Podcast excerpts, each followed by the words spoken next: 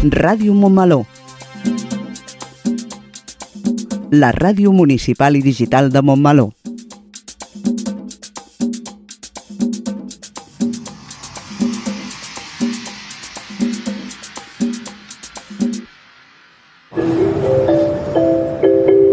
Propera parada, Montmeló.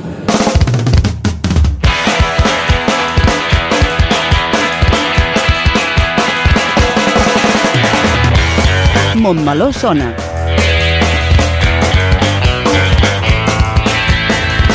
El magazín informatiu de Ràdio Montmeló.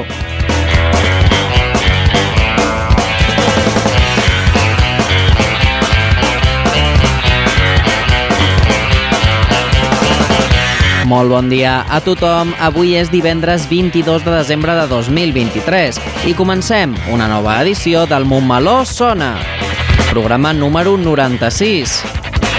Ja estem arribant al Nadal i per això tindrem un Montmeló Sona molt nadalenc en el que repassarem què us podreu trobar al municipi aquestes festes. Ens endissarem en l'esperit nadalenc, però també en l'esperit antinadalenc, en la taula rodona que hem preparat pel dia d'avui. Tenim programa per tots els gustos. També recordem que ja podeu participar al quiz de Ràdio Montmeló amb motiu de l'aniversari de la ràdio per guanyar dues entrades per la sala polivalent. No perdeu aquesta oportunitat. Montmeló Sona és el magazín informatiu setmanal de Ràdio Montmeló, coordinat per l'equip de comunicació de l'Ajuntament. Avui ens acompanya la Maria Costafreda al Toquem el 2, la Lola Robles al bloc de l'entrevista i l'Oriol Contreras a la secció de consum. I a la locució del programa tenim a l'Olga Coromines i un servidor, el Rubén Cantón. I la col·laboració a la realització de l'Isaac Gómez. I una vegada fetes les presentacions, passem al sumari de continguts que tenim preparat pel programa d'avui.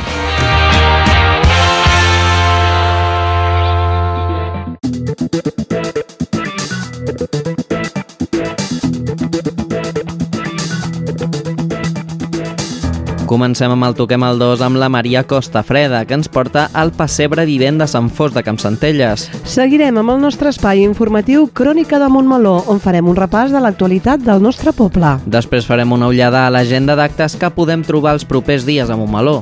Tot seguit us portem una taula rodona per parlar dels pros i contres del Nadal, amb el gerent Martín i la Maria Socobosca, el bàndol antinadal, i l'Anna Ramírez i l'Albert Porcar, el bàndol pro-Nadal. I acabem amb l'Oriol Contreras de l'Oficina Municipal d'Informació al Consumidor amb una nova secció de consum sobre les festes de Nadal. I com ja sabeu, tot això i alguna cosa més és el que trobarem al Montmeló Sona d'avui, 22 de desembre de 2023.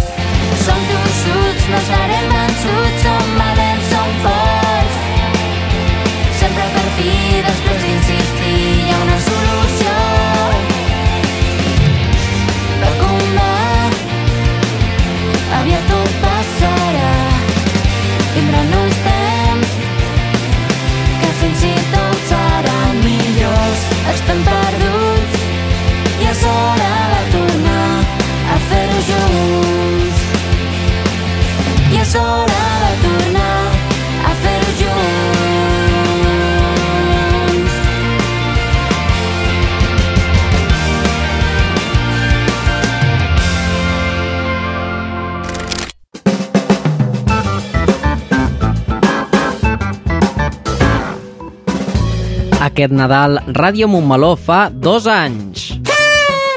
Però no cal que ens porteu res, perquè aquest aniversari serà la ràdio la que us faci regals a vosaltres.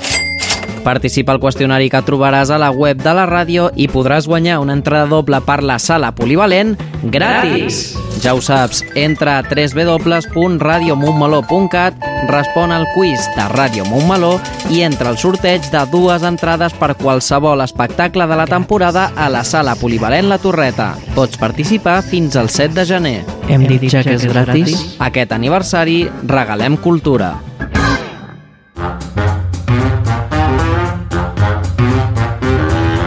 Montmeló sona, el magazín informatiu de Ràdio Montmeló. Montmeló sona i sona així de bé.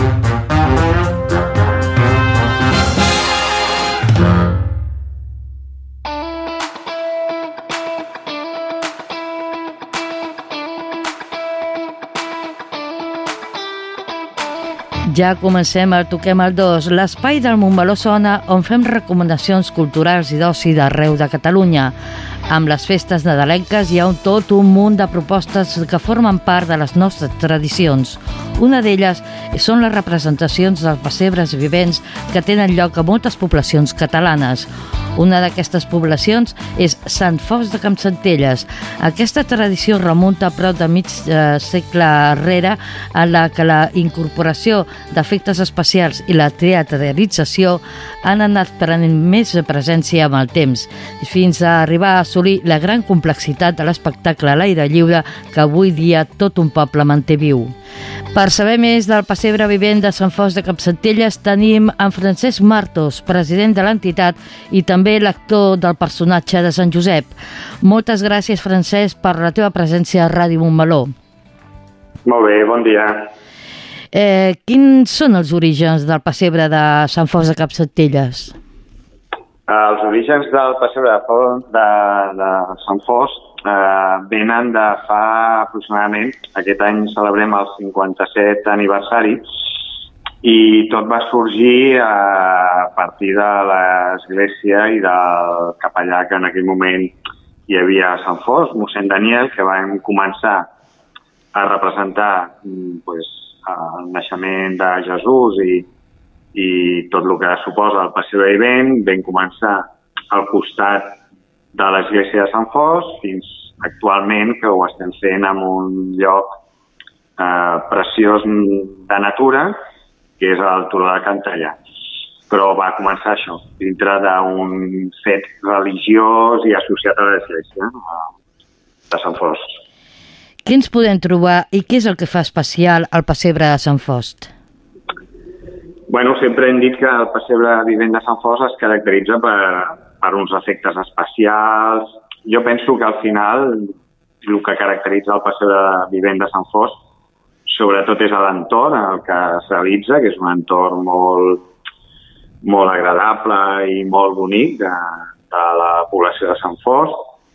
I després pues, que no és un pessebre vivent estàtic, sinó que sol ser un pessebre vivent on hi ha escenes eh, en moviment, on, on la gent es mou, anem a dir, i, i que va representant pues, una miqueta des del naixement de Jesús pues, fins que fins l'adoració dels reis i bueno, explica una mica aquest, aquest fet històric, no? que, que tots siguem o no creients, pues, eh, representa un fet històric el naixement de Jesús. I, bueno, el, el, el vestuari, bueno, tot, tot ens ho fa una miqueta molt nostre, anem a dir. Eh? Vull dir, per nosaltres és un pessebre molt, molt nostre i molt xulo. Ens podries dir, Francesc, les dates de la representació del pessebre de Sant Fost? Sí, en principi vam començar el diumenge passat, el dia 10, i ara els propers, eh, els propers dies de representació seran el 17, el diumenge que ve, el diumenge 17 de desembre. Excepcionalment, aquest any, per qüestions de dies de festa, ho celebrarem uns dissabtes, el dia 23 i 30 de desembre, després el dia 1 i el dia 6 i el dia 8, exacte. Vale? Eh, les representacions són dos passes en cada un d'aquests dies, eh, a les 6 i a les 7, excepte l'últim dia, que només hi ha un passi. Com es poden aconseguir les entrades? Les entrades des de fa ja un parell d'anys eh, mm, i totalment aquest any ja totalment implantat, eh, les entrades només es poden aconseguir per, per la compra online. Vale? Eh, S'accedeix al passer d'event de Sant Fos, a la seva web, i des d'allà, pues, amb una passarel·la, eh, et porta a la compra d'entrades. Eh, fa uns anys es podien comprar in situ, però ja des de la pandèmia i ja aquest any ja totalment, pues, totes les entrades s'han d'adquirir via online. Eh, I dir que la, el proper diumenge ja estan esgotades les entrades. Doncs tot un èxit.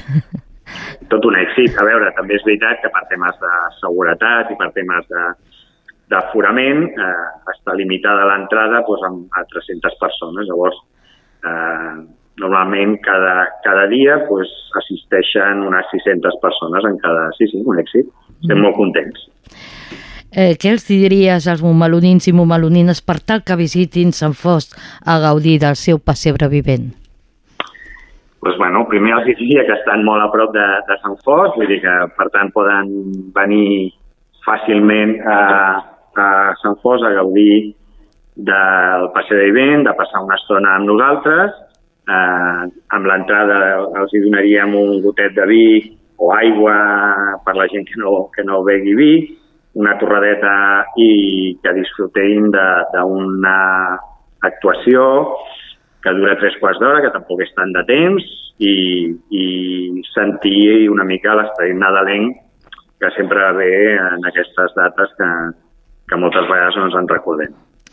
Doncs moltíssimes gràcies, Francesc Martos, per atendre la trucada de la Ràdio Municipal de Montmeló.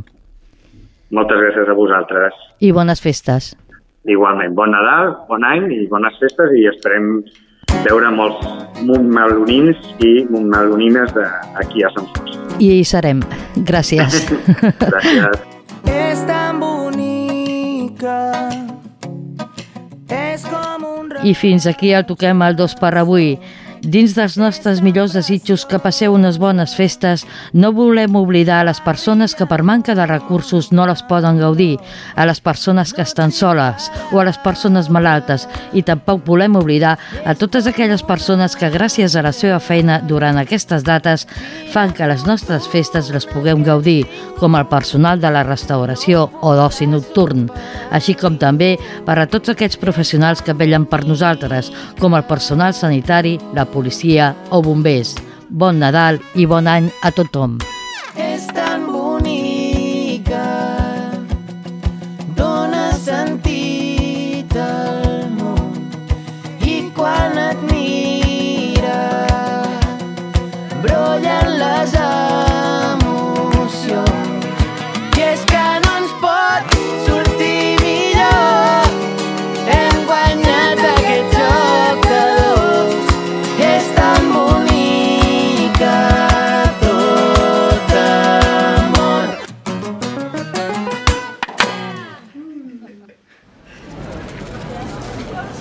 Ei, has sentit els rumors que van corrent pel poble?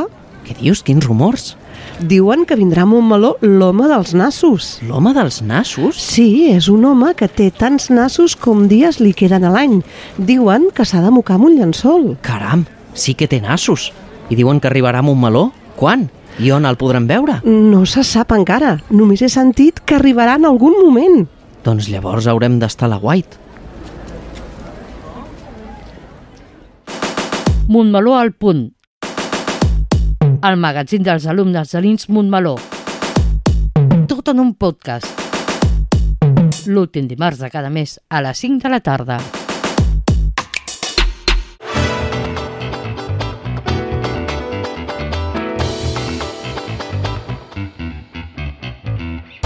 Arribem de nou al nostre bloc informatiu Crònica de Montmeló i donem pas, una vegada més, a les notícies locals més destacades per avui divendres 22 de desembre de 2023. Aquest és el sumari pel programa d'avui. Actuacions de manteniment i conservació a la llera del riu Congost. Tot a punt per una nova edició dels pressupostos participatius. Es compleixen dos anys de Ràdio Montmeló. Montmeló destina 32.000 euros a quatre projectes de cooperació internacional a Bolívia, Moçambic, El Salvador i el Líban. Primera reunió de la Comissió Nomenclàtor de la legislatura 2023-2027. Vota i tria el balcó, aparador o carrer més ben guarnit d'aquest Nadal. La torreta es transforma en l'Observatori Reial de Montmeló. Tot preparat per la cavalcada reial i a la rebuda dels Reis d'Orient a la plaça de la Vila. A més d'aquestes notícies, us parlarem sobre els actes previstos per aquests propers dies.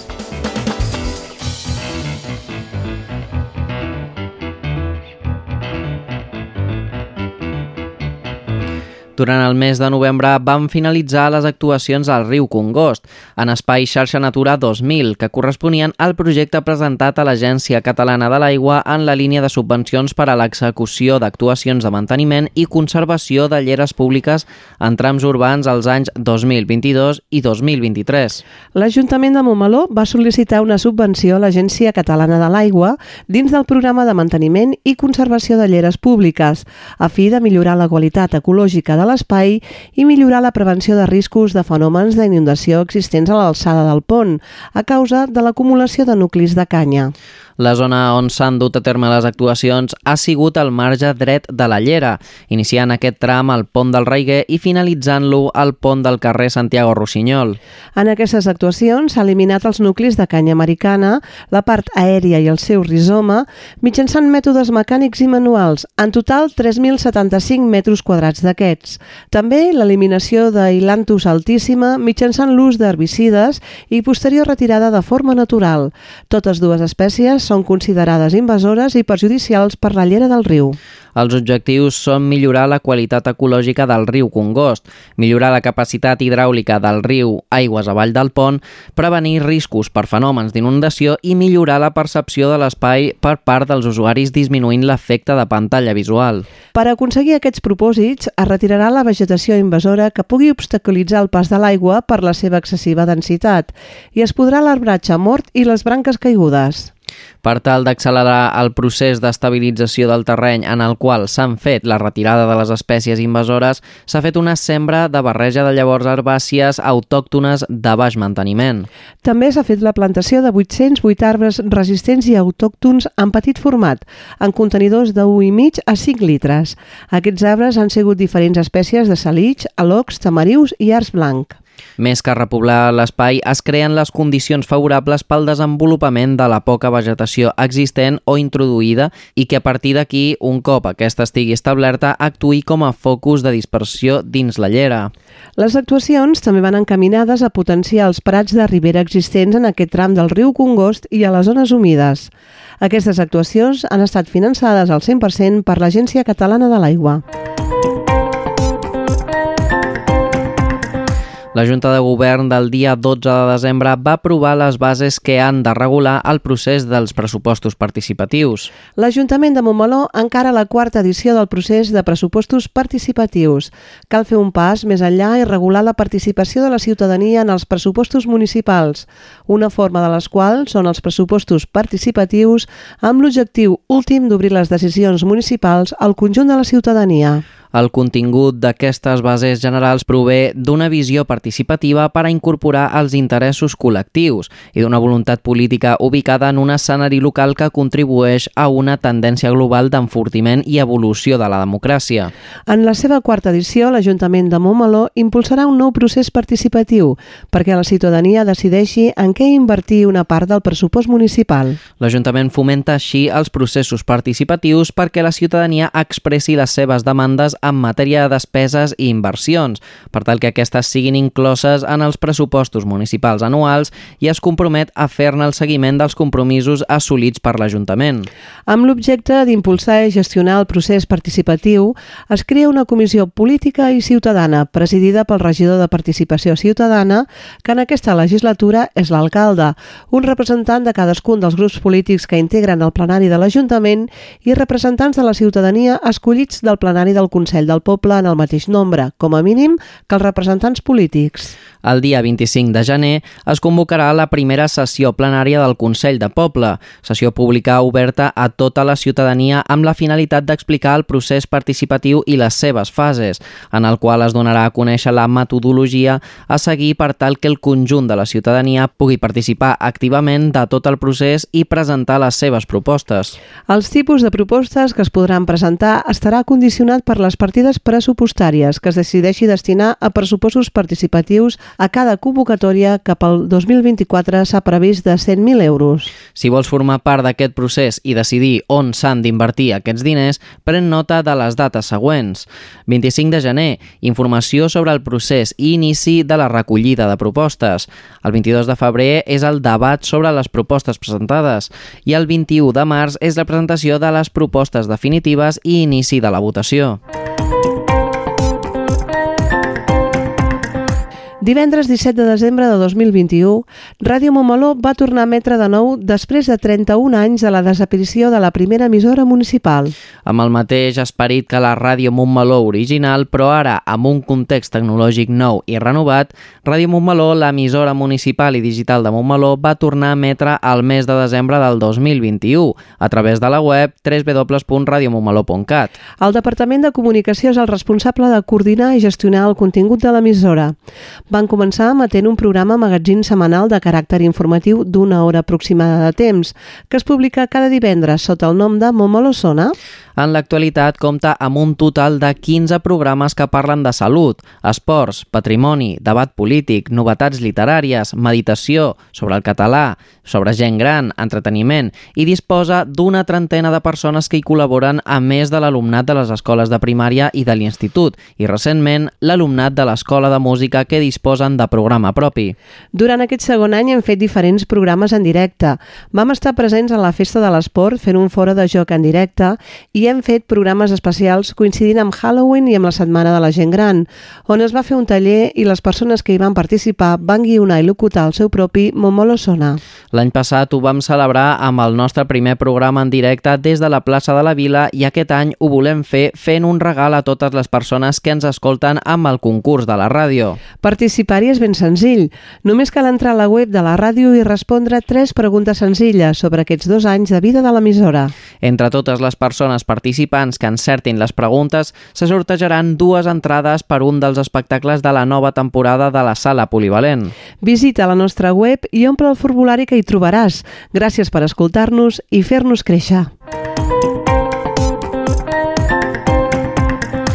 Les ONG guanyadores de la convocatòria pública de subvencions a projectes de cooperació han sigut Fundació Pau i Solidaritat, Cooper Acció, Creu Roja i Fundació Privada Ulls del Món, que desenvoluparan durant el pròxim any projectes de cooperació internacional gràcies a l'aportació de l'Ajuntament.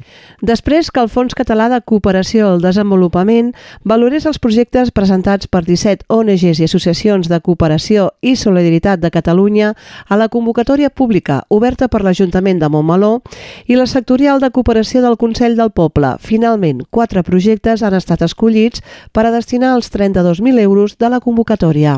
Montmeló col·laborarà amb Cooper Acció en un projecte amb dones, joventut, lesbianes i bisexuals de Sant Salvador i Zacatecoluca per treballar en la defensa dels seus drets davant els nous escenaris de violència social i de gènere.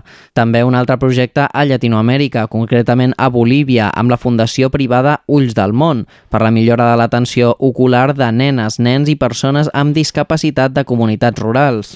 D'altra banda, Creu Roja desenvoluparà un projecte de suport al municipi de Maputo, mitjançant accions comunitàries que promouen la salut pública i una millor gestió ambiental a tres mercats de la ciutat. Finalment, Fundació Pau i Solidaritat treballarà al Líban per la promoció de la justícia de gènere i el treball digne de les dones del país. A principis del 2024, la sectorial de cooperació farà una trobada oberta per explicar i conèixer millor tots els projectes amb els que col·laborarà al llarg de l'any 2024. Aquests 32.000 euros s'ha de sumar a la recaptació realitzada a la jornada de solidaritat i cooperació del passat 2 de desembre. El passat dia 12 de desembre va quedar constituïda la formació de la Comissió Nomenclàtor de l'Ajuntament de Montmeló en la seva reunió anual convocada al Museu Municipal de Montmeló. Durant el mandat 2023-2027 estarà integrada per part de l'equip de govern de l'Ajuntament de Montmeló, regidors i regidores, personal tècnic del mateix Ajuntament, membres del Consell de Poble i membres del Centre d'Estudis de Montmeló. En la reunió presidida per l'alcalde Pere Rodríguez i un cop constituïda la comissió, van ser tractats diferents temes d'interès referents a denominació d'espais públics del municipi.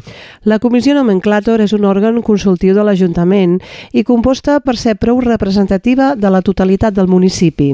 Té com a objectiu assegurar la bona praxi en tot el referent a l'assignació de noms a diferents espais públics, com poden ser carrers, places, avingudes i equipaments. Es tracta d'una institució oberta a la ciutadania, ja que tot ciutadà o ciutadana pot presentar propostes i inquietuds. Per ser més concrets i donar resposta a la pregunta qui pot presentar propostes a la comissió, la solució és que poden membres de la comissió del nomenclàtor, veïns i veïnes del municipi, entitats, associacions de veïns del municipi i grups d'interès del municipi.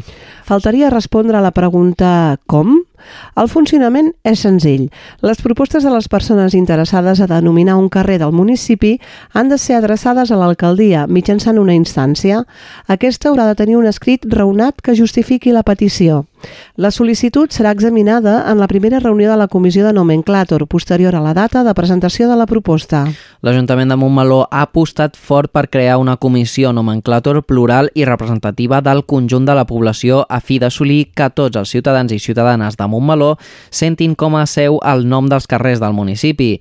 També presenta un fort interès per aplicar conceptes de feminisme i igualtat en els espais públics de la població. El dia 21 de desembre es tancava la inscripció per participar en la nova edició del concurs de balcons, aparadors o carrers i avui 22 sobre la votació popular a la web. Amb la campanya Emociona't arriba un any més el concurs de guarniments de balcons que aquest any incorpora també premi als carrers millor guarnits. Es valorarà cadascun dels balcons, carrers i se'n puntuarà la bellesa, l'originalitat i la dificultat en l'elaboració o preparació. Enguany hi haurà cinc premis del jurat, format per membres del Consell del Poble de Montmeló, que repartiran de la següent manera.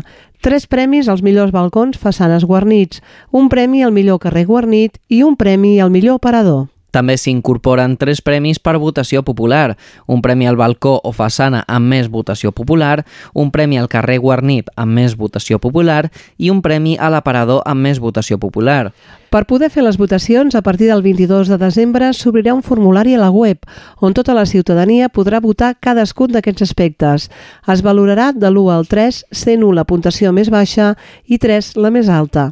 El vot popular estarà obert fins al dimarts 2 de gener de 2024 a les 12 hores. L'altra novetat d'aquest any és que entre totes les persones participants en el vot popular se sortejarà un val de 100 euros per bescanviar en el comerç de l'aparador guanyador. Animeu-vos a participar i animeu-vos a recórrer els carrers de Montmeló per decidir quin és el millor guarniment de Nadal.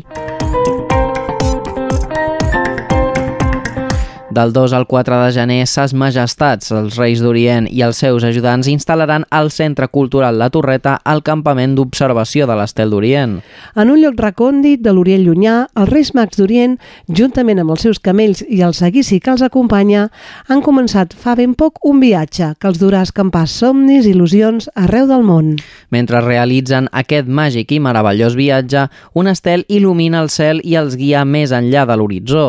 Per no perdre mai de vista l'estel, ses majestats necessiten l'Observatori Reial, un gran campament d'observació del cel, les estrelles, els cometes, les constel·lacions, etc., que amb grans telescòpics i astròlegs i astròlogues els permet localitzar l'estel d'Orient. I enguany tenim la sort que s'instal·larà a Montmeló. Mentre busquen l'estel d'Orient, no podem perdre temps. Han de preparar tots els regals que hauran de repartir, cuidar els camells, comprovar que les carrosses estan a punt i arreglar els descosits dels seus vestits reials. Per això necessiten que els montmelonins i montmelonines vinguin a buscar l'estel d'Orient amb els ajudants reials que custodien els secrets i racons de l'Observatori Reial. Aquest campament d'observació de l'estel d'Orient serà un espai obert a tothom i s'hi podrà accedir de forma lliure per fer els tallers i activitats que els ajudants reials han preparat. Només serà necessària la reserva d'entrada prèvia per descobrir l'espai més secret, màgic i misteriós del campament, que els ajudants reials han decidit instal·lar a la sala polivalent del Centre Cultural La Torreta. Recordeu que els ajudants reials del CIC Esplayat us faran arribar una carta per convidar-vos a viure aquesta experiència màgica. Allà hi trobareu les instruccions per fer la visita al nou Observatori Reial. No t'ho perdis i vine a assegurar-te que els Reis Mags d'Orient troben l'estel que els ha de guiar a omplir de màgia i regals totes les cases de Montmeló i d'arreu del món. Que comenci la màgia. Us hi esperem amb els braços ben oberts. Ses majestats dels Reis d'Orient tornen a Montmeló amb més màgia que mai, amb una cavalcada reial amb un seguici més espectacular que mai i la recepció reial a la plaça de la Vila, on seran rebuts per les autoritats municipals i els nens i nenes podran entregar la seva carta. Els infants de Montmeló tornaran a gaudir de la cavalcada i veure els Reis d'Orient de ben a prop. L'estrella d'Orient, que els ha guiat fins a Montmeló, per omplir de regals les cases de tothom en una nit màgica. Els acompanyarà des de l'Observatori Reial fins a l'Ajuntament, on entraran per agafar forces pel seu discurs i sortiran a la plaça per la porta principal de l'Ajuntament, acompanyats de les autoritats municipals. Se'ls farà entrega del llibre dels noms de Montmeló i de les claus de les cases del poble perquè identifiquin a tots els infants i puguin entrar a les seves llars a deixar els regals. Un cop a la plaça es començarà la recepció reial, on els nens i nenes podran conèixer a ses majestats els Reis d'Orient i entregar la carta amb tots els seus desitjos. pessoas. Com l'any passat, a les carrosses reials els acompanyarà un seguici ple de màgia, llum i color. Cada carrossa anirà acompanyada d'uns patges molt especials que ompliran de vida els carrers de Montmeló amb les seves danses i músiques per celebrar l'arribada dels Reis Mags d'Orient a Montmeló. Els reis saben molt bé que alguns de vosaltres no heu fet bondat del tot aquest any i com l'any passat han tornat a portar amb ells directament de la mina reial on extreuen el carbó dolç la carbonera, que acompanyada dels carboners reials repartirà carbó per les cases de tots els nens i nenes que hagin fet entremaliadures durant l'any. A més, a Montmeló ens volem preparar per rebre'ls com es mereixen. Per això tots els infants que visitin l'Observatori Reial els dies 2, 3 i 4 de gener rebran un fanalet per muntar i pintar. Amb el fanalet també rebreu un val per bescanviar per un espelmalet als comerços de la Unió de Botiguers i Comerciants de Montmeló. Amb el fanalet i l'espelma podreu tenyir de llums els carrers del recorregut de la cavalcada reial per il·luminar el camí dels Reis d'Orient cap a l'Ajuntament. Enguany la cavalcada sortirà a les 6 del vespre de la Casa dels Reis d'Orient. Des d'allà començaran el seu itinerari pels carrers i places del municipi. Santiago Rossinyol, primer de maig, Lluís Companys i Diputació, fins a davant de Can d'Otres. Durant la cavalcada dels Reis d'Orient també es realitzarà el tradicional llançament de carmels. Per evitar aglomeracions i incidents, us demanem que us repartiu al llarg del recorregut i no us apropeu a les carrosses per tal de recollir els carmels. La recepció reial de ses majestats es farà a la plaça de la Vila, on els infants podran entregar la seva carta, rebre un detallet i degustar el tortell de Reis, que amaga la sorpresa de les visites reials. Com sempre, la colla de geganters i grellers de Montmeló farà xocolata, caldo i creps a la plaça de la Vila mentre duri la recepció reial. Aquest any, i amb la finalitat que els nens i els seus familiars no hagin de fer llargues cues, es repartiran tíquets amb quatre franges horàries per a poder accedir a la recepció reial. Els torns seran a les 19 hores, 19.30 hores, 20 hores i 20.30 hores. Amb aquests tíquets es podrà accedir a la cua corresponent a l'horari de cada tíquet. Aquests tíquets es podran agafar a partir de les 4 de la tarda a la caseta de fusta de la plaça de la Vila. Els caramels que es llançaran durant el recorregut són sense gluten i poden contenir traces d'ou, soja, llet i fruits de closca. Es recorda també a les persones que tinguin el cotxe estacionat al carrer Diputació l'obligatorietat de retirar el seu vehicle abans del pas de la cavalcata dels Reis d'Orient. La màgia de Reis és possible gràcies a entitats i persones que col·laboren en la realització de les activitats previstes durant el dia 5 de gener, com la colla de geganters i grellers, la penya madridista, la penya blaugrana, la colla de diables, l'estació jove, l'Ins Montmeló, la Unió de Botiguers i Comerciants de Montmeló i Protecció Civil.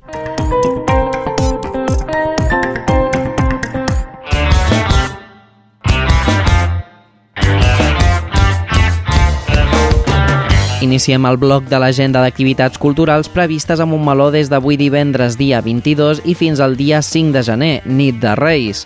Divendres 22 a la una del migdia al Mercat Setmanal, sorteig de la panera de Nadal. A dos quarts de sis de la tarda a la Carpa dels Desitjos, actuacions musicals, ball i teatre a càrrec de l'Associació Divertiment i del Casal Gent Gran. Dissabte 23 a les 12 del migdia a la Carpa dels Desitjos, ara ben Esdal, espectacle teatral familiar. Els encarregats del teatre reben un dia la visita d'una turista molt singular que farà que visquin un Nadal molt diferent. Dimecres 27 de 10 del matí a la una del migdia a la Carpa dels Desitjos, taller de circ. Aprèn i viu la màgia del món del circ. Des de dins, malabars, xanques, pedalgo, bola d'equilibri, acrobàcia i funambulisme. Dijous 28 de desembre a les 10 a la Carpa dels Desitjos, galetes i farsans. Taller d'elaboració de galetes de Nadal amb la Rachel's Cake i assaboreix-la. Riu, balla i gaudeix de la música amb l'animació infantil dels farsans. De 10 del matí a les 2 de la tarda i de 5 a 9 del vespre, la unitat mòbil del Banc de Sang s'instal·la a la plaça de la Quintana. El Banc de Sang fa una crida a tothom a donar sang i salvar vides durant el Nadal com a propòsit abans d'acabar el 2023. A les 7 de la tarda a la Biblioteca Municipal La Grua, presentació de la primera novel·la fantàstica de l'autor local Aitor Guerra, Círculo Oculto i la Corona Maldita. Divendres 29 de desembre a les 10 a la Carpa dels Desitjos, 40 jocs gegants amb música. Passa un matí jugant sense parar amb els 40 jocs tradicionals gegants d'en Robin. A les 5 a la Carpa dels Desitjos, tòmbola solidària de l'estació Jove. La recaptació anirà amb l'entitat Globus pels Valents. Dissabte 30 a les 12 del migdia a la Carpa dels Desitjos arriba el Wishmore a Montmeló. Enviat pels Reis d'Orient, el fullet Wishmore proclamarà la gran notícia. Ses majestats s'instal·laran de nou a la torreta de Montmeló. Ell serà l'encarregat de recol·lectar tots els desitjos dels infants de Montmeló i sortejar els premis. A la una del migdia seguim a la Carpa dels Desitjos, on es farà el sorteig de 10 premis de 60 euros amb els de compra de la campanya Desitja Montmeló. A la tarda de dissabte, joves de Montmeló ajudaran a ses majestats als Reis d'Orient amb les cartes. Veniu a escriure la vostra carta als Reis. Diumenge 31 de desembre, darrer dia d'aquest 2023 i a les 12 del migdia, a la Carpa dels Desitjos, celebrem un cap d'any matinal amb l'Estació Jove. Vine i menja't els 12 raïms, entre amigues i bona música. Avança't a la festa. A la una del migdia arriba l'home dels nassos, singular personatge que té tants nassos com dies té l'any. Rebem-lo com es mereix. Dilluns 1 de gener, des de dos quarts de dues de la matinada al pavelló municipal, dona la benvinguda al 2024 amb Ian Sánchez i Dímelo Easy a la festa de Cap d'Any. Encara pots comprar la teva entrada a la web www.midnight.es o avui divendres presencialment a la caseta d'entitats de la Torreta, de 19 hores a 21 hores. Els preus són 16 euros l'anticipada o 20 euros el mateix dia en el pavelló. Activitat per a majors de 16 anys amb aforament limitat. I tal com us hem explicat a l'apartat de notícies, els dies 2, 3 i 4 de gener, des de les 4 de la tarda fins les 9 del vespre, s'instal·la a la torreta l'Observatori Reial. Un any més arriba l'època més màgica de l'any i enguany la torreta acull l'Observatori Reial, des del que ses majestats, els reis d'Orient, localitzen l'estrella d'Orient que els guiarà per les cases. I acabem aquesta agenda recordant-vos què passarà el dia 5 de gener. A les 6 de la tarda, amb sortida de la Torreta fins a arribar a la plaça de la Vila, cavalcada i recepció reial. El recorregut de les carrosses i acompanyants és Santiago Rossinyol, primer de maig, Lluís Companys, Diputació, Vic, Popeu Fabra i plaça de la Vila. A les 7 de la tarda a la plaça de la Vila, recepció reial. Vine a conèixer els reis i a donar-li la teva carta. Estalvia't la cua i recull el teu torn a partir de les 16 hores a la plaça de la Vila. I fins aquí els actes previstos per aquests dies, per aquest any i pels primers dies del 2024. Darrers actes inclosos dins la campanya Emociona't, que aquest any ha omplert la plaça dels Desitjos. Seguim demanant-vos que badeu, trieu, remeneu i gaudiu del que Montmeló us ofereix i compreu a Montmeló, perquè per Nadal comprar Montmeló té premi. De moment ho deixem aquí i us continuarem informant en el proper Montmeló Sona, programa especial de resum. I ja sabeu, tot això i algunes coses més les podreu veure, sentir i llegir a les xarxes municipals, al web momolo.cat o a l'agenda mensual.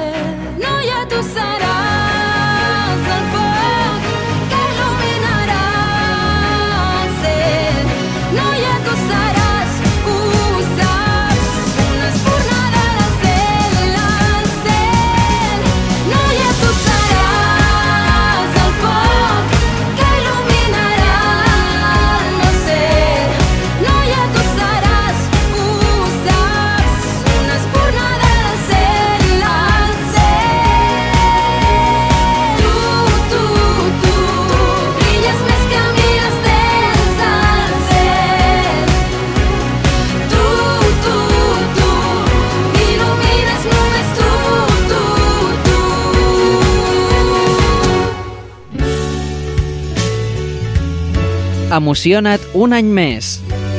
Compra els teus regals a qualsevol establiment de Montmeló i passa per la botigueta Emociona't perquè t'ho emboliquin gratuïtament amb els elements distintius de la campanya. La botigueta estarà oberta fins al dia 5 de gener, en horari comercial habitual de matí i de tarda. Podràs comprar també diversos articles Emociona't, bosses, peces de roba, imants, davantals... Tots els diners que es recaptin en aquest concepte es destinaran a finalitats solidàries. Per Nadal, regala emocions. Per Nadal, solidaritat i comerç local.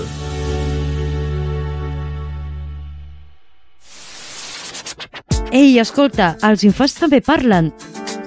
Des de Sant Jordi fins al Pau Casals. Tots tenim veu.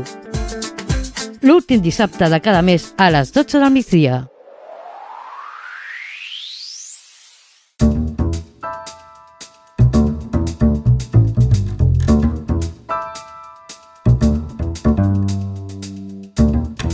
Avui al Montmeló Sona farem una cosa una mica diferent. En dos dies ens trobem de cara amb el Nadal i per això al bloc de l'entrevista d'avui no farem una entrevista. Per aquestes dates podem trobar molta gent que gaudeix molt del Nadal, gaudeix com ningú, però també hi ha molta gent a qui no li agrada tant, per no dir gens. Avui tenim una taula rodona amb dos bàndols enfrontats per debatir el Nadal, a favor o en contra. Advertim que durant aquesta taula rodona de Nadal es parlaran temes que no són gaire infantils, així que aneu amb cura. Tenim el bàndol antinadal, el Jared i la Maria. Hola, bon dia. Hola, Hola, bon dia. Bon dia. I el bàndol pro-Nadal, l'Anna i l'Albert. Hola, bon dia. Bon dia. Hola, bon dia. Eh, doncs comencem a parlar. Eh, què us semblen aquestes dates? Què us sembla eh, aquesta època de regals? Bueno, uh, començo jo, si no us fa res. Um, a mi és una època que m'agrada moltíssim, uh, la gaudeixo molt, i, i bueno, reduir-ho també als regals crec que és una mica simplista, però no sé, penso que hi ha moltes altres coses que fan que el Nadal sigui molt especial i molt màgic. Què en penseu? Uf, no m'estàs convencent. Aviam, tampoc l'ho diu, però em fa moltíssima mandra. No crec que s'hagi de reduir només els regals, però sí que crec que uh, la publicitat que té ara mateix, en gran part, són els regals i, i tot gira entorn a això des de dos mesos abans, des de l'1 de novembre, que s'acaba Halloween, perquè ja no és la castanyada, eh, ja estem amb anuncis de regals i els llums i m'estressa. Crec que tot el que pots fer al Nadal ho pots fer abans també, una, en una altra època de l'any. Exacte, o sigui, no hi ha com res especial que no puguis fer en un altre moment. I com que és com que t'empenyen, uh, ha de ser aquest, aquesta setmana o aquestes dues setmanes i ja, i no m'agrada. Jo estic totalment en desacord amb la Maria, em sap molt greu dir-t'ho, però tot això que dius de, de fer, tot, tot el que es fa en Nadal es pot fer en un altre moment, eh, és totalment incorrecte. El menjar les neules, els torrons, és tot això, aquest menjar típic dels Nadals, uh Mhm. -huh. només es poden fer al Nadal. Sí, si ho això- fas en una altra època de l'any, és com... Si això ho fas a l'estiu, primer que et moriràs. Perquè vull dir, jo no em fotré Sopa una de galets. De... Exacte, una bossa de neules o un torró, que és lo más pesa del mundo, una sopa de galets a l'agost. Ho sento, Vale. però no ho faré. I el tema llums també suposo que és uh, perquè és l'època on hi ha més hores de, de nit, diguéssim, de foscor. Llavors, doncs les llums li donen una mica de vida, de... Uh -huh. A veure, a mi l'estètica m'agrada, eh? És Sí, que és sí, eh? molt maca. Això sí. Però ja, o sigui, mm. haver de regalar per obligació, no sé. Per, que parlant sembla- d'estètica, vull puntualitzar que el bàndol pro-Nadal van amb jerseis de Nadal. jerseis amb regals, El amb, amb galetes... Doncs um, això el que dèiem, que l'estètica és que és meravellosa. A veure, el teu jersei, no. En concret. Eh, és el Però point, les llums, sí. O sigui, però és com... És una època on jo puc portar un jersei, un jersei horrible, però ningú em jutjarà. Jo sí. Però és que És me da la igual. És Parla, parla per tu. Um, aquí el boss està a l'altre bàndol i se li nota. I I què penseu de, de les, dels dinars i dels sopars de Nadal, en general? Si em conviden, guai. Però si ho haig de pagar i anar per obligació, amb companys de feina, quita, quita. No, no. Clar, jo és que partim de la base que a mi no em convida. I tot i així... Però estem parlant famili familiars o...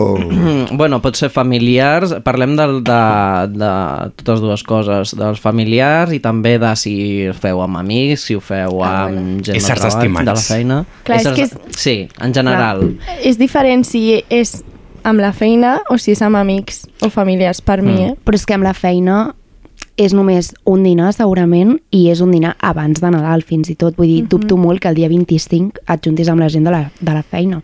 Una altra cosa, o sigui, jo que sé, a mi, per exemple, m'agrada molt perquè eh, tothom està molt liat durant l'any i saps que és un dia que és molt probable, o sigui, és molt poc improbable que algú no hi vagi. Llavors, doncs és un moment per trobar-me també amb tota la família. Sí que és veritat que sempre està pues, el típic tiet, ja, ja coneixem, no?, que, que fa comentaris que potser Pa estan fora de lloc. Exacte, o coses Bueno, si parlem de política, coses d'aquestes. Però, tot i això, clar, jo em junto amb tota la família, però jo no he d'estar amb el meu tiet, que no em cau bé. Jo em quedaré pues, amb la meva Em cosina. Exacte, em quedo amb la meva cosina, amb el meu germà, jo què sé. També és una mica com tu t'ho prenguis. Sí, a veure, jo el problema que veig amb això és eh, si tens una família que et portes bé, més mm. Hmm. o menys, no? No et pots portar bé amb tothom, però tal, sí, guai. Però si tens una família desestructurada, molt disfuncional, eh, tota la romantització que es fa durant tot el mes de desembre, inclús abans, com deia el Jared, eh, em sembla que pot fer molt mal a aquestes persones i a aquestes famílies. I sobretot perquè crec que al final és com que t'acabes sentint molt sol. En plan, si no tens com una família bueno, que estigui estructurada o... o bueno, per exemple, jo en el meu cas, eh, la meva família no ho ha celebrat mai. Eh, I, o sigui, jo sempre he estat molt bé amb això, sempre m'ha semblat bé, però era com que l'ambient o la societat era una mica com, no, no, és que t'has de sentir malament perquè no ho estàs celebrant. I era, en plan, que a mi tant me feia. Però era com que li deies a la gent, ho parlaves, ho veies a la tele i era com, buah, és que potser m'hauria de sentir malament perquè tothom ho fa i jo no. I, i no sé, crec que crear un ambient que per a algunes persones és com, pot ser bastant difícil, saps? Uh -huh. Que, I què penseu de les tradicions en general? Ja parlem eh, de Pare Noel si es celebra, dels Reis Mags, el, el cagatió, a Cap d'Any... Eh, què, què en penseu en general d'aquestes tradicions? Bueno, és una celebració cultural molt nostra i crec que també hem de ser abanderats no? de, de, de, de, de les coses que són nostres. Eh, jo, per exemple, treballo amb, amb infants de moltes cultures diferents i, i nosaltres ara, en, en aquesta època, no intentem amagar-ho tampoc. Vull dir que intentem mostrar eh, la nostra cultura des d'un punt de... Mireu, doncs nosaltres aquí celebrem aquestes... aquestes pues, posem un arbre, cagatió. tenim el cagatió, el caguem, no sé què, i que ells també tinguin a, a, aquesta... Pues jo visc aquí també i pues mira, aquí passa això. Pues hi, havia, hi ha infants que no tenen ni idea de, de, de quines celebracions a, a Catalunya estem tenint i ells també pues, tenen aquesta necessitat d'explicar-nos també quines eh, festes tenen ells. Llavors és un intercanvi cultural superxulo. Sí, mira, jo t'he de dir que el tió sí que m'agrada. Crec que és una cosa... Ja és nostra, No era, no era la idea aquesta. Eh? Crec que és una cosa molt nostra, que em fa moltíssima gràcia el concepte, És de veritat. Sempre m'ha fet moltíssima gràcia. I, I em semblen moníssims, els tions.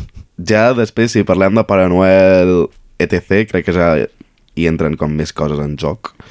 Però mira, el tio sí que et dic. I després, cap d'any, com que tampoc no ho relaciono amb Nadal. O sigui, per mi són com dues coses que van a part. A mi m'encanta la nit de cap d'any, és de les meves nits preferides de l'any, però no ho compto com una nit de Nadal o simplement que generalment hi ha vacances, però...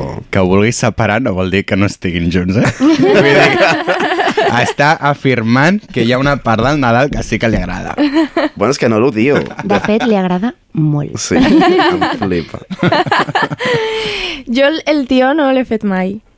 No, a casa meva no es celebra. I els Reis tampoc. O sigui, només el Papa Noel. Eh, I realment per mi Nadal acaba el, el primer dia de l'any. Després ja, bueno, tinc festa i tal, però no... Per mi ja està. Mm. I vosaltres fèieu tot. Eh, no, jo a casa eh, sempre he fet els Reis i ja quan hem estat més grans s'ha fet per a Noel i Reis i després el cagatió l'he intentat posar jo a casa. I de fet, eh, l'any passat que vaig estar vivint fora me'l vaig emportar amb mi, el tio, i el vam fer fora de casa també i li vam ensenyar com els, bueno, el company de pis i alguns amics i demés que van venir a casa i van cagar el tio, que van flipar. És que és, és, que és, per- molt guai. És per flipar. És que és molt guai. Sí, és, és, és raro, eh? però és guai. O sigui, és guai de Parlant com veure. a, com a polonesa. Sí. I què penseu de mentir els nens? Bueno, um, no ho veig una cosa necessàriament dolenta. És... Aviam. No, en el sentit de que... No sé si és, és una il·lusió, no sé. No, no ho veig dolent. És com el, el ratolí Pérez o... No són coses que vegi dolentes. Mira, jo t'he de dir que ho he, jo ho he sabut sempre.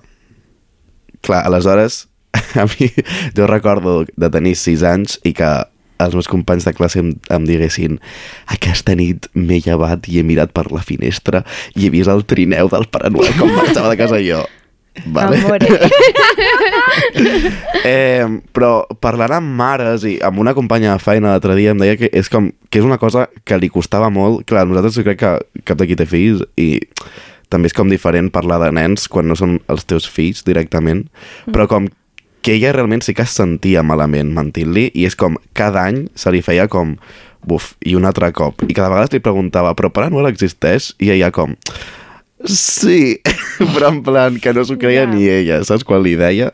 I és com, no sé, em sembla com una situació també innecessària per preservar la il·lusió que, no sé, crec que es pot tenir amb altres... O sigui, si, si agrada el Nadal de debò, que és que, crec que es pot tenir Nadal, o sigui, il·lusió amb altres coses, saps? No necessàriament havent de dir, doncs sí, existeix el Pare Noel que ve per la setmanella, saps? Sí, t'ho mm. podria comprar, però um, no sé, és que penso que és una cosa que realment els hi fa il·lusió i clar, és el que tu dius, jo no sóc mare, potser no ho comparteixo de la mateixa manera, però jo he treballat amb nens durant molts anys i realment és que ho veus, veus que els hi fa molta il·lusió, que no sé què, que potser es podria fer d'una manera que no els hi haguéssim de dir és que ve el Pare Noel o tal, sinó que simplement pues, som nosaltres o el que sigui, però també crec que és una manera de conservar una mica com la màgia i separar una mica de la família, no? Doncs no sé. Clar, jo, jo, perdona, jo també penso que si tingués fills sí que ho faria, perquè és molt complicat que tots els altres nens de la classe celebrin el Nadal, tinguin regals i el teu fill no, o sigui, com li dius? No, tu no, a, a tu no et ve. Bueno, però crec que el No, pot però- celebrar igual. Exacte. Clar, Sí, però... sí, però és com di difícil... Sent... O sigui, entenc que quan tota la societat li està fent gaslighting a tots els nens Clar. del món... Bueno, així, així estava jo. Clar, tu eres aquest nen. Clar, però és que jo, ara, no? de fet, bueno, vaig tenir problemes, aviam. Clar, jo li vaig dir a una nena, a la, clar, però aviam, jo era petit, i em va dir no sé què, i jo vaig dir, doncs Noel no existeix. I em va dir, això és mentida, no sé què, va, va venir ser mare a parlar amb, a parlar amb ma mare. No! I anys després, com un parell o tres anys d'anys després, va, ven- va tornar i em va demanar perdó, en plan, ah, doncs tenia raó, i jo... Uau. Clar, o sigui, entenc que sí, que és una situació difícil, a més, entre nens, sí. però, no sé, jo crec que no em sentiria com còmode fent-ho. Sí, sí, sí. Jo crec que es pot fer de, de moltes maneres. Però és una mentida piadosa. O sigui, és que jo ho penso... Clar, a mi també m'han mentit. Si, si ens passem, o sigui, si ens posem així, a mi també m'han mentit. I clar, sé que cada persona s'ho pren diferent. Eh, Et va això ho decebre? Mm, no. O sigui, no. Perquè realment saps que el Nadal no deixa d'existir tampoc, Mhm. no? Però sí que és veritat que durant els primers anys doncs t'ho prens d'una manera molt més màgica i després és com, ah, pues, pues bueno, segueixo tenint l'esperit nadalenc, llavors, no sé, tu què en penses, Albert? Jo penso que no és una mentida, sinó és, un, és una manera de... de depèn de, de, de l'enfoc que li vulguis donar. Vull dir, a veure, intento explicar-me. A veure. El meu amic menys manipulat. Jo també treballo amb nens i, i veig aquesta il·lusió que tenen. Eh, però intentem enfocar-ho des d'un punt de, mm, de viure-ho amb, des de la gener generositat, des de mm, el fet de compartir, de, mm, de, de donar i rebre, que al final és, eh, pues sí, jo estic rebent uns regals, però també en dono. Llavors, és com viure-ho des, des d'un... Vale, ara mateix pues, soc inconscient de que tot això pues, potser m'estan mani- manipulant una miqueta, però un cop t'ho expliquen, és de, depèn de com t'ho expliquin. A mi, per exemple, no ha arribat al punt encara en què els meus pares hagin tingut aquesta reunió amb mi de dir-me eh, carinyo, mm, pues no. Eh, Tu, tu saps que no... no, no, a mi, jo, mira, explicaré aquesta anècdota. Jo, quan era petit, vale, en aquell moment de primer de l'ESO, o sigui, imagineu-vos, primer de l'ESO, eh, jo encara no era conscient d'això. En sèrio? A primer de l'ESO. Primer de l'ESO. Sí. I, i tenia aquell... Eh, no sé, no sé, tothom t'ho diu però no ho saps, no estàs del tot segur. I jo vaig dir, doncs pues mira, vaig a, a confirmar-ho del tot. I vaig escriure a la meva carta, perquè jo a la meva carta del, dels Reis Mags escric sempre el primer el que més desitjo. Llavors tinc com una llista de prioritats. I el que jo més desitjava era que, que anés a, a Montornès. I vaig demanar que nevi el dia de Reis a Montornès. Llavors, el pronòstic era totalment decepcionant. Vull dir, no, no, no hi havia neu per enlloc i no tenia pintes de que anés a nevar ni res. Llavors, mmm, els meus pares estaven acollonits, eh, em van portar tot el que hi havia a la, a la llista d'aquell any, però clar, jo el que volia era que nevés. I vaig tenir la gran sort, o vés a saber el què, que aquell dia va nevar. Que fort. Rebáteme eso. Llavors... Jaque mate ateo. Jo va ser, per, per mi va ser un... Que llavors tota la meva família trucant-me eh, que està nevant, eh? Com, com ho estàs vivint això? I jo en plan, pues, ho he demanat, vull dir. No? Jo ho he demanat, m'ho Era han portat, obvi. vull dir, és obvi. no? Però sí Però que i és si un que... altre nen demanava que no nevés? Que Ah. Clar, què passa, no? Però sí, no, per, per mi això va, va ser molt fort i va ser un... I qui sap? Escolta, tu... Eh, no, però vaig veure amb, amb molta il·lusió i molt de... Pues... Bueno, potser el regal sí que te'ls donen els pares, però potser hi ha alguna altra cosa, aquesta il·lusió, jo què sé.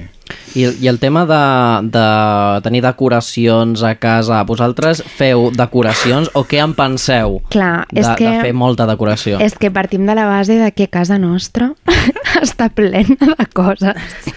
Llavors, um, a mi m'agraden moltíssim i ja no només comprar-les, que també eh, nosaltres n'hem fet i també pensem, bueno, penso, pensem, pensem que, em, perquè clar, sí que és veritat que em, es parla molt de que hi ha molt de, de gas energètic i tot això, però hi ha moltes, for hi ha moltes formes de fer-ho d'una manera molt més ecològica o amb menys impacte o LED, això. de baix Per consum. exemple. Mm. O, o fer, fer coses amb materials reciclats o...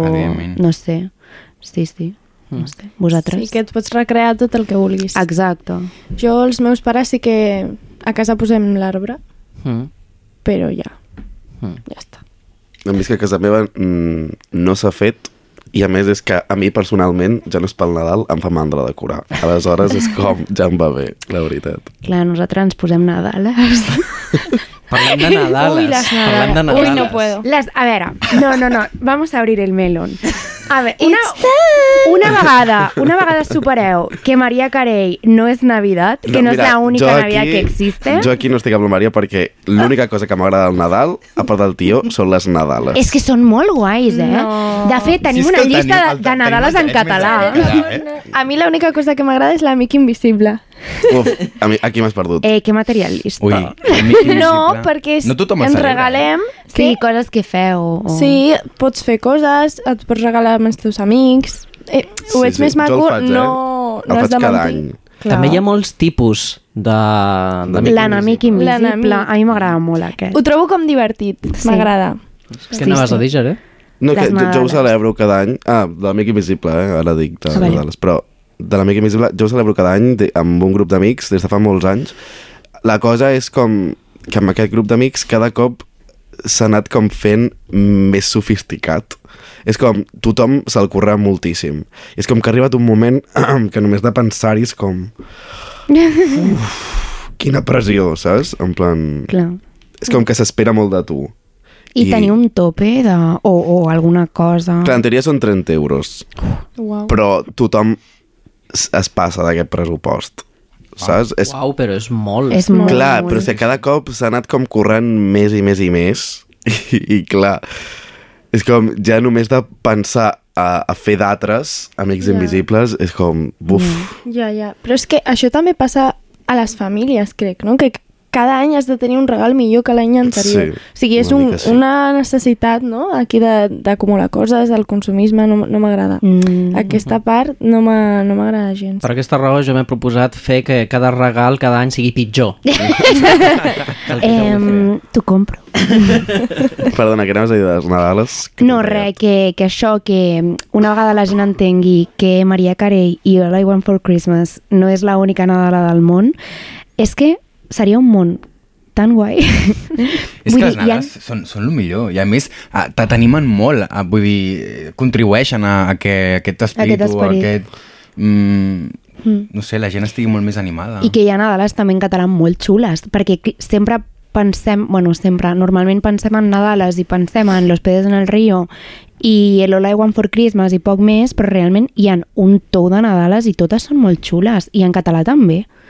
O sigui, Mm. en català hi ha cançons molt xules. Ja ens passaràs la playlist. Jo tinc una playlist sí. molt xula A mi, de a mi cançons no, de Nadal. no, no entro Però això. has, entraràs, molt, no sí? preocupis, entraràs. A mi no és només com Nadales, en plan, jo hi ha artistes que segueixo que han tret com àlbums de Nadal, però que també, més que Nadal, són d'hivern, una mica. Sí. És com estan relacionats amb el Nadal, però també amb l'hivern, en Sí, general. I és un, totalment. és un tipus d'ambient, un mood, que sí que m'agrada molt durant desembre, gener, perquè sí que acompanya molt amb el temps. Mm. The winter is coming. I igual que Nadales també una mica pel·lis i de més de, de Nadal o Oh. d'hivern a mi m'agraden moltíssim. Depèn de què estan parlant. El, Jo les gaudeixo de moltíssim. Les manteta. pel·lis aquestes de, de Netflix o de Antena Sí, 3 sí. per la tarda. Vanessa Hudgens, aquí et vull demanar les, o sigui, et vull donar les gràcies per tenir les millors pel·lícules de Nadal del món. Que totes tenen literal el mateix pòster. Sí. Totes. Bueno, és Teni que lo guapa no, que és, no sé eh? on ho vaig llegir això, que totes les pel·lícules a la portada sempre porten... Eh, Verd i- Verd i vermell. i vermell, sí, sí, sí. És lògic, vull dir, Sempre, és sempre, que són sempre. els colors. Sí, sí. Però que, no sé, hi ha, hi ha pel·lícules molt xules i que són un clàssic i que jo veig sempre o gairebé sempre al Nadal perquè m'agraden molt. Solo en casa, Love Actually... Mira, Love Actually, doncs sí. Christmas. Mm. Sí, El origen dels guardianes, també, Mm. per exemple. I fins i tot, eh, això, no sé si estareu d'acord, però a mi Harry Potter Home, sí. és Té que és unes- Nadal per mi. vibes Sí. Nadal. Llavors, és com, no sé, a mi m'agrada les primeres, eh? Per Sí. això després Sí, ja no. després ja no tant. Les tres primeres, et diria. Totalment, però és això, no sé, estar a casa amb una manta, un xocolatito... El conte de Nadal, supermítico. sí. Eh, teniu alguna cosa més a parlar, algun tema més que voleu treure del Nadal? Sí. A veure, a mi, tot això que dieu, a mi la idea m'agrada, em sembla genial. El que passa que el que jo he viscut, l'execució d'aquesta idea no ha sigut així. Llavors, eh, la hipocresia aquesta, no?, de durant tot l'any eh, gairebé no ens parlem o, o bueno, hi ha molts conflictes a casa i després, per obligació, la nit de Nadal hem d'estar tots junts sopant i, fent com que no passa nada, això no m'agrada i em fa sentir molt incòmoda. Mm. Jo sé que el dia que jo tingui una família eh, o estigui a, a casa meva, sí que incorporaré algunes d'aquestes tradicions perquè és maco però mm, crec que no val qualsevol cosa i, i no em fa sentir còmoda. Clar, També és que és una època difícil perquè si, si estàs veient que tothom eh, s'ho està passant bé, i ja no que s'ho està passant bé, sinó que et sents com obligat a que ho has de passar Mm. bé quan estàs en una tessitura en la que no s'està donant, doncs també ha, ha de ser com molt frustrant i ha de ser... Bueno, suposo que per això també hi ha molta gent que, que, que entra com en depressió durant aquestes Mhm. festes. Sí. Sí, el, el tema aquest de, de la família, de no veure's i tal, també és una mica com tu t'ho vulguis prendre. O sigui, no ho has de fer amb la família, tampoc. Vull dir, ho has de fer... O Fins sigui, a cert punt. fins a cert punt... mm, Vull dir, nosaltres moltes vegades ha vingut gent a casa que no era de la família i s'ha quedat amb nosaltres. Jo, per exemple, celebro el Nadal amb els meus veïns. Jo no ho celebro amb la meva família. O sigui, és una mica, depèn de com tu t'ho vulguis prendre. Depèn de... O sigui, jo no penso tant en família, sinó en éssers estimats, més, més Mm. com obert, més en general. I també és a nivell de com tu vulguis veure. Jo, per exemple, sí que és veritat que la nit de Nadal sí que la faig amb la família. I, i clar, vivim a llocs una mica diferents i pues, potser durant l'any no ens veiem tant, però és que sé que el dia de Nadal sí que els veuré i amb ells sí que els estimo molt i, i m'agradaria molt veure'ls més, però és que tampoc hi ha temps perquè tenim vides molt complicades. Llavors, clar, per mi sí que és com guai anar amb la família, però és que després els altres dies no els faig amb la família i jo estic totalment bé. Vull dir, que no ha de ser necessàriament amb els tiets que no suportes o amb la cosina que Clar. és... El... Ja, el fet de tenir aquestes vacances de Nadal et dona la facilitat per poder quedar amb, amb Exacte. qui tu Mm. estimis. Clar, el problema és que us esteu imaginant eh, com una família supergran amb la que no et portes bé, però en el meu cas és que només som tres, o sigui, amb mi, quatre. Llavors, eh, ho faig amb ells o, o es queden com sols, és a dir, no, no puc dir me'n vaig amb els amics perquè em sento més a gust, no, no puc fer això. Llavors, bueno, a veure, podria, sí, Clar, però, però hi ha conseqüències, també. hi ha conseqüències i no vols fer sentir malament a ningú i és la tradició. És que és això, no? El pes de la tradició. Exacte, sí. I jo volia rescatar una paraula que ha fet servir el Rubén abans, que ho estava pensant tota l'estona, que per mi és la paraula frustració. O sigui, jo crec que també el Nadal genera moltes frustracions i que de vegades és en plan... Tampoc no vull dir que hagis de tenir com una família privilegiada o hagis de tenir certs privilegis per poder gaudir-ne, però sí que crec que tenir una família estructurada o amb la que et portis bé fa que el gaudeixis més. Mhm. També penso que tenir una bona situació econòmica fa que el gaudeixis més. També jo crec que entra una mica la frustració dels nens que si no, o sigui, el que deies abans, no? que tu volies que nevés. Si no hagués nevat, bueno, en aquell moment ja és més gran, no? però si ets petit crec que com que no ho entens, perquè no poden portar certs regals que tu has demanat i potser és que els pares tampoc no s'ho poden permetre. Saps? Totalment. I és com, és una situació molt contradictòria i, i què és això, no? Que depèn de la situació que tingui cadascú pot ser o molt maco o que la tradició t'aboqui a, doncs, aquesta frustració, no? I és això el que no m'agrada, com el sentir-te obligat a fer-ho. Si és voluntari, doncs endavant. Però el fet de, de és que he de fer això, he d'ajuntar-me amb la família, he de regalar. És que a mi no m'ho- no m'agrada gens que m'obliguin a regalar. Sí. M'encanta fer regals, però no m'agrada gens en plan, és que ara aquesta data has de tenir-li un regal a aquesta persona, a aquesta i a aquesta. Mhm. És com...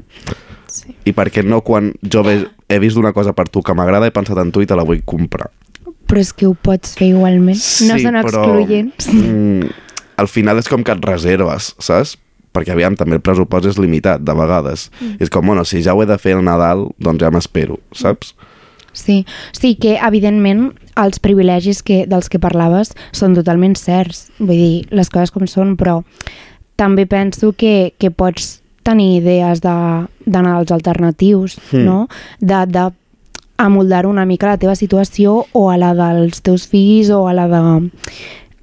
No sé, penso que és una mica treball de cada família de mirar també com s'ho pot fer per fer-ho d'una manera maca però entrant dins del pressupost o entrant... O sigui, no, has de, no necessites eh, un pifòstiu per tenir un bon Nadal, tampoc. No. Que evidentment ho facilita si tens una pasta Clar. i si tens una bona família, evidentment, o sigui, és que això no t'ho puc rebatre, però penso que, no sé, mm, cadascú sap quina situació té i també s'ho pot um, intentar muntar d'alguna manera que dentro de lo que cabe sigui guai. Però clar, també parlo des d'una situació on, on jo em porto bastant bé amb la meva família, on tal... Clar, jo parteixo d'una situació una mica privilegiada en aquest sentit, però tot i així jo he fet Nadals una mica més alternatius i no va passar res, saps? Mm. Jo animo tothom a que vagi a un mercat nadalenc i no, fa, no, no cal que compri res, però passejar per un mercat d'aquests amb, la teva, amb els teus éssers estimats i donar una volteta et t'omple d'aquest espíritu nadalenc i proveu. Sempre i quan no aneu a Barcelona, que està ple de gent.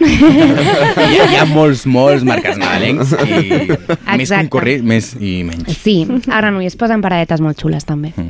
Doncs bé, hem parlat de, de moltes coses, molts arguments a favor, molts arguments en contra, i us deixem a vosaltres, els oients, que arribeu a les vostres pròpies conclusions. Per acabar, us llanço un, una altra pregunta. Què penseu dels programa, dels especials de Nadal, dels programes com aquest, que són especials de Nadal, però també sèries o el que sigui. Què en penseu? A mi m'agrada. Um, per mi, Nadal, penso en Glee i en les cançons de Glee. A la gala de Nadal d'OT. La gala de Nadal Això d'OT ens és que- agrada. Clar, o sigui, és que a més és com una cosa o sigui, és un programa a l'any, és que a mi em flipa. O sigui, l'especial de Nadal de Aquí no hay quien viva és una de les coses més gracioses del món. O sigui, m'encanta. Però bueno, és que estoy loquita també. O sigui, si segueixes el programa i, i ja t'agradava abans, perfecte, però que tots els programes treguin un especial, arriba un punt que em satura. Personalment, no puc més. Bueno, doncs molt bé, acabem aquí la taula rodona d'avui del Montmeló sona especial Nadal. Eh, moltes gràcies, Jaret, moltes gràcies, Maria, moltes gràcies, Anna, i moltes gràcies, Albert. A tu. Gràcies. Adeu i bon Nadal. Si arriba l'insomni, confessa algun secret teu i deixa que en el teu temps perduri la calor. Deixa que sigui això qui decideixi cuidar-te, tornant-te una estrella que crema, que tot s'il·lumini de tu. Ella veu colors en els meus blancs i negres i els seus cabells la tardor els pinta. Després no va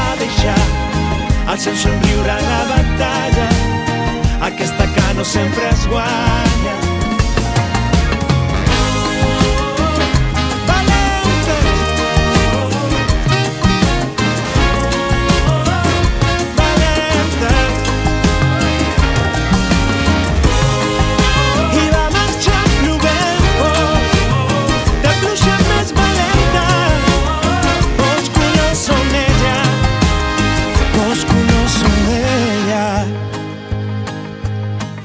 Aquestes dates tan senyalades, tot l'equip de Ràdio Montmeló us volem felicitar les festes. Bon Nadal i bon any nou. Ui, qui, qui truca? Ho, ho, ho! Pare Noel? Però com vols desitjar bon Nadal d'aquesta forma tan seca? Deixa'm a mi! Ah. Des de Ràdio Montmeló us desitgem que passeu bones festes. Deixeu-vos emportar per l'esperit nadalenc, feu cagar el tió, poseu menjar per mi i pels Reis d'Orient i recordeu, si escolteu Ràdio Montmeló us portaré més regals. Bon Nadal i bon any nou! Ho, ho, ho!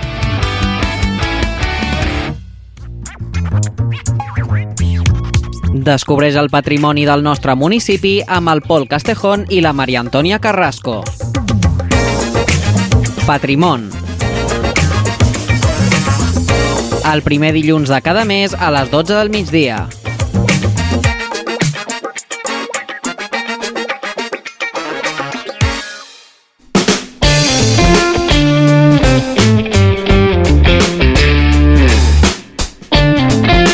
Doncs tornem a tenir amb nosaltres, com la setmana passada, a l'Oriol Contreras de l'Oficina Municipal d'Informació al Consumidor. Bon dia, Oriol. Molt bon dia a tothom.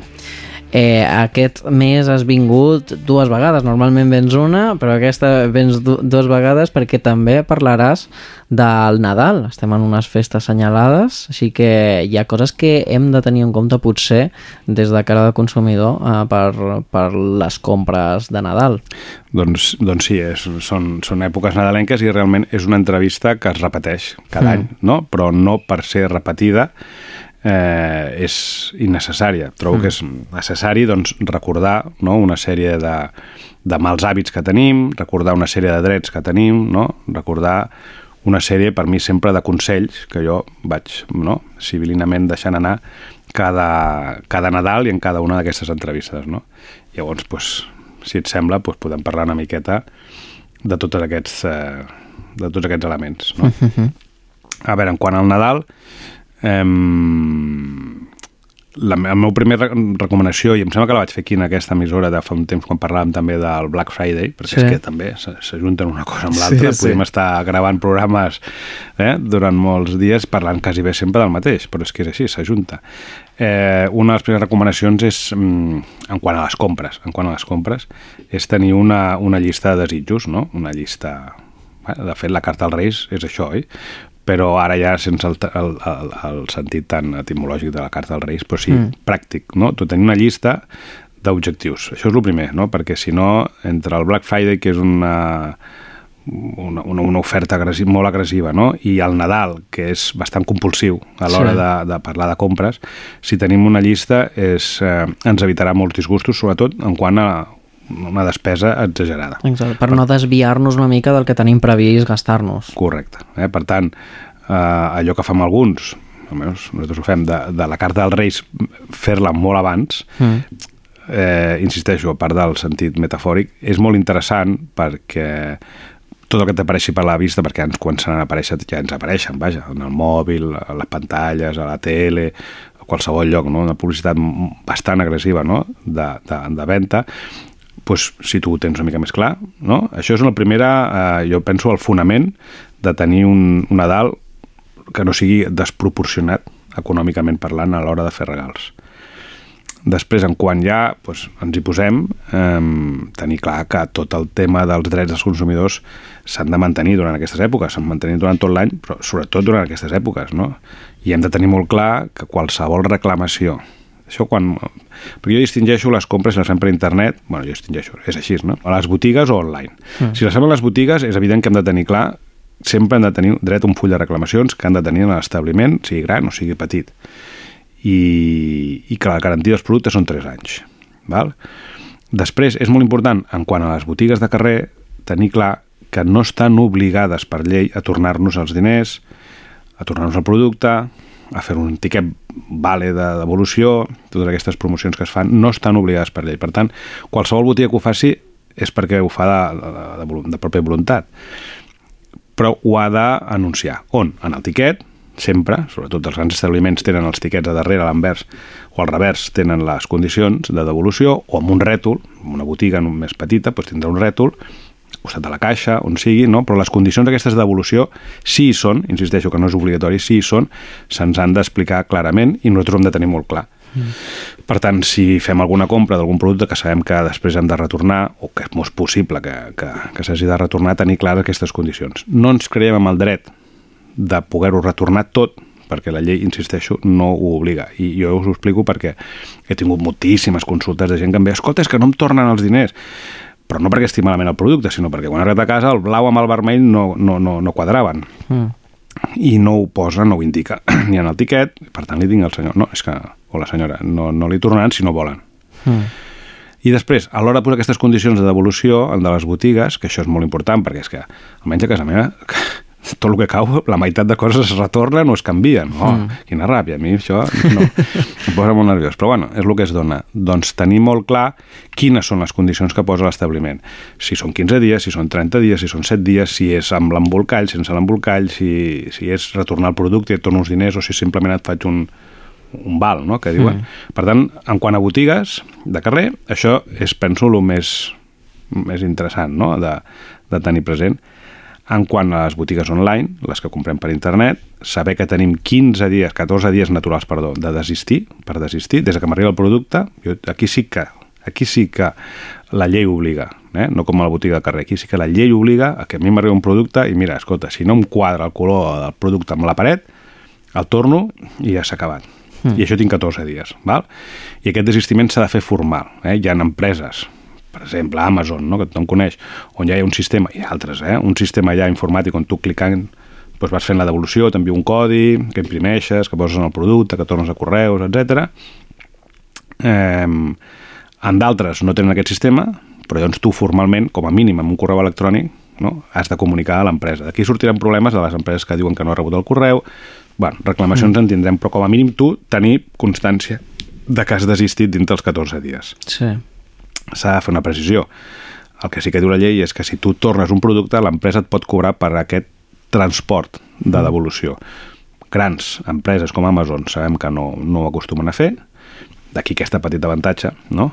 I altres et diuen, no, no, si vostè m'ho vol tornar, perfecte, perquè clar, també el que es compra tres pantalons, eh, la L, la M i la S, se'l prova, mm. i després et torno la L i la S perquè em quedo amb la M.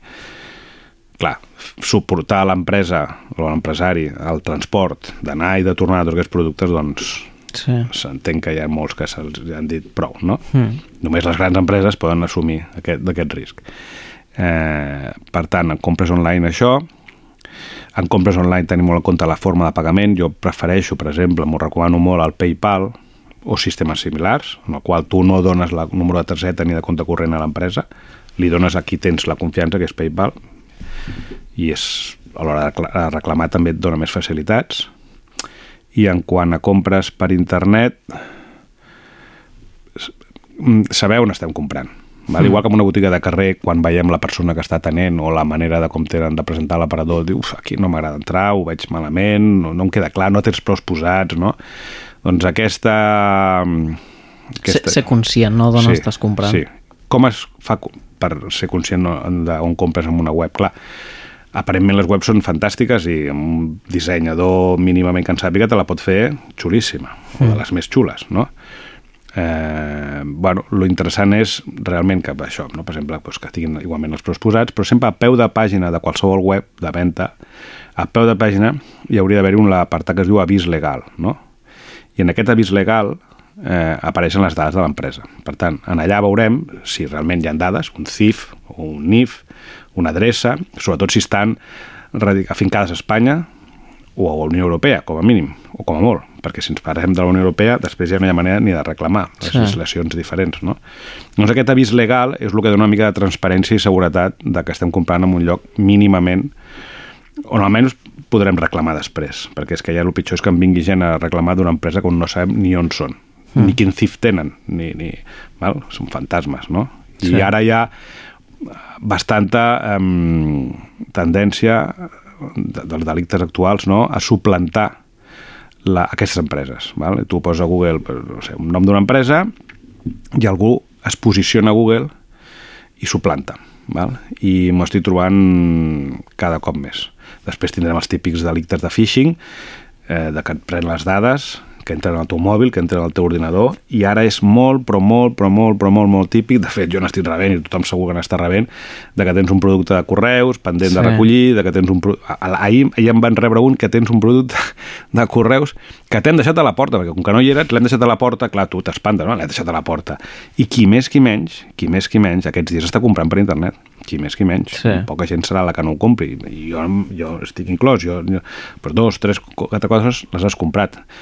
Clar, és el moment on si tu llences un, un missatge d'aquest tipus, no?, fraudulent, pot picar. Potser al mes de gener, febrer, març és més difícil que tu et diguin tens un producte de correus a la porta, no?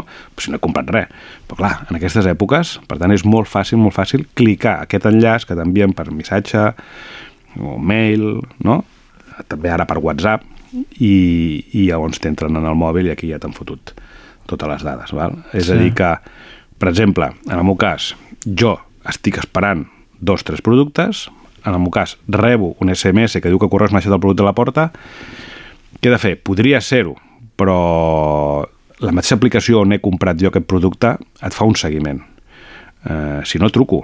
I, I si no, prefereixo que el producte estigui al carrer i que algú se l'emporti, que no és el cas, eh? perquè Mm. sabem que no passa això, eh? però preferiria això a que no que m'entrin en el mòbil, o sigui, clicar aquell enllaç, perquè si t'entren al mòbil llavors ja et poden treure els ulls. Sí, sí, sí. Eh, hi ha alguna cosa més que hem, hem- hem de tenir en compte amb, amb les compres de Nadal o durant aquestes dates? Clar, si m'ho preguntes a mi, som bastant pessimista amb això. Per tant, jo sempre tinc que dir que sigueu feliços, eh? I que, i que no, no us esteu d'allò que creieu que, no? que, que, que agradarà a algú regalar, etc. No? O sigui, ser una mica més positiu, però sí que realment és que hi ha tant de perill, sobretot en la compra per internet, que, que, que jo diria, pensem-nos-ho, repasseu i, i estiguem amb, els, no, amb tots els sentits a l'hora de fer una compra per internet perquè perquè cada dia es reinventen més eh? Mm. Els, els, els, les estafes, o sigui, el, lladre ja no té que sortir al carrer Sí. a perseguir persones i posar el mà dintre el bolso i fer estirades i que t'agafi la policia. No, no, és que ho pot fer des de l'ordinador i ho pot fer des de Taiwan. Mm. Clar, fa una simple traducció d'això que et dic de correus i ja t'han entrat, no? Llavors és tan fàcil, ho tenen tan fàcil que no els hi podem posar encara més fàcil nosaltres. Mm. Doncs per resumir una mica, eh, tenir una, lis una llista de desitjos per no desviar-nos molt en les nostres compres, eh, ser conscients del que d'on estem comprant, de quines pàgines estem comprant eh, i tenir cura d'aquests tipus de missatges fraudulents. I també eh, ser conscients de quines són les... Eh, Sí, el dret d'assistiment a internet i a les botigues eh, els canvis dels productes, les condicions dels canvis. Les condicions, això volia dir. I també eh, saber informar-se de quines són les condicions de devolució, eh, tant si és per internet com si és amb venda eh, presencial. Correcte, sí, sí, és una miqueta, és una miqueta el resum, podríem estar parlant més llargament, però aquest és una miqueta el resum, però insisteixo, la gent sigui feliç. doncs moltes gràcies, sigueu feliços, eh, feu-li cas a l'Oriol i moltes gràcies per venir a la ràdio. A vosaltres.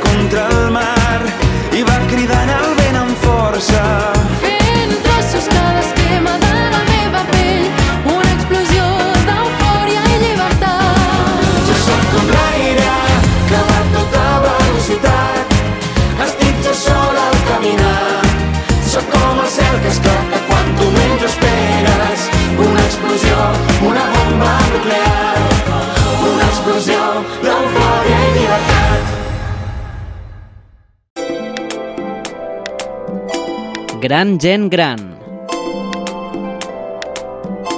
El magazín del col·lectiu de pensionistes. El dia 1 de cada mes a Ràdio Montmeló. Vinga, som-hi ja. És el moment de fer el pas. A casa, a la feina i al carrer. Quan anem de festa o al taller. Parla'm Només hem de començar. Va, provem-ho en català. Tu per mi i jo per tu. I quan vulguis tots plegats. Molt per parlar, molt per Provem-ho en català. Molt per parlar, molt per viure. Generalitat de Catalunya. Sempre endavant.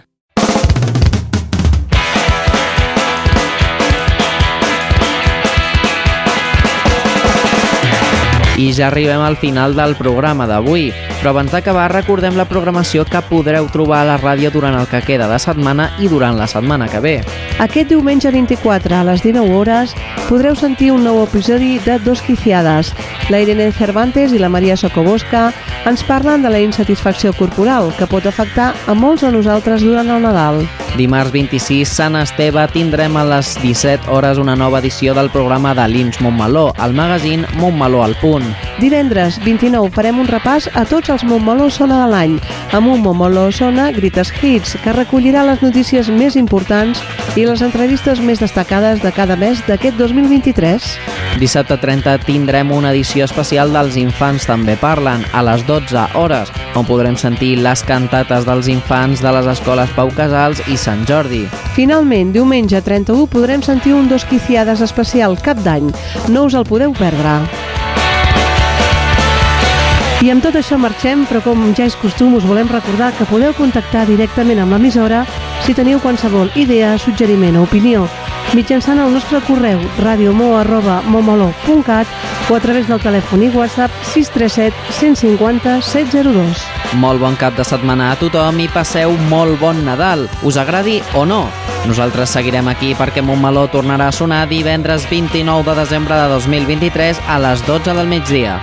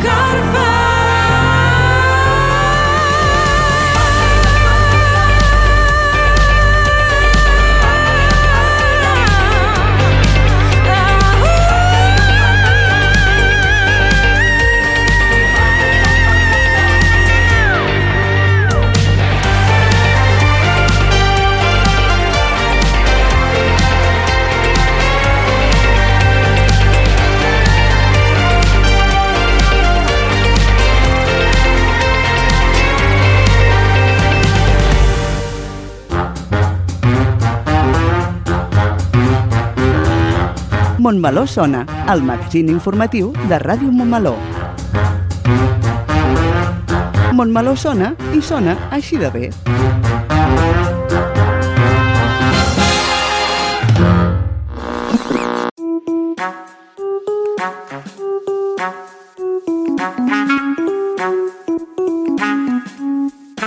Ràdio Montmeló.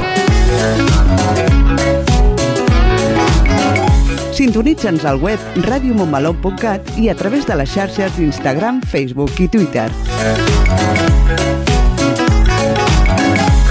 Ràdio Montmeló, la ràdio municipal i digital de Montmeló.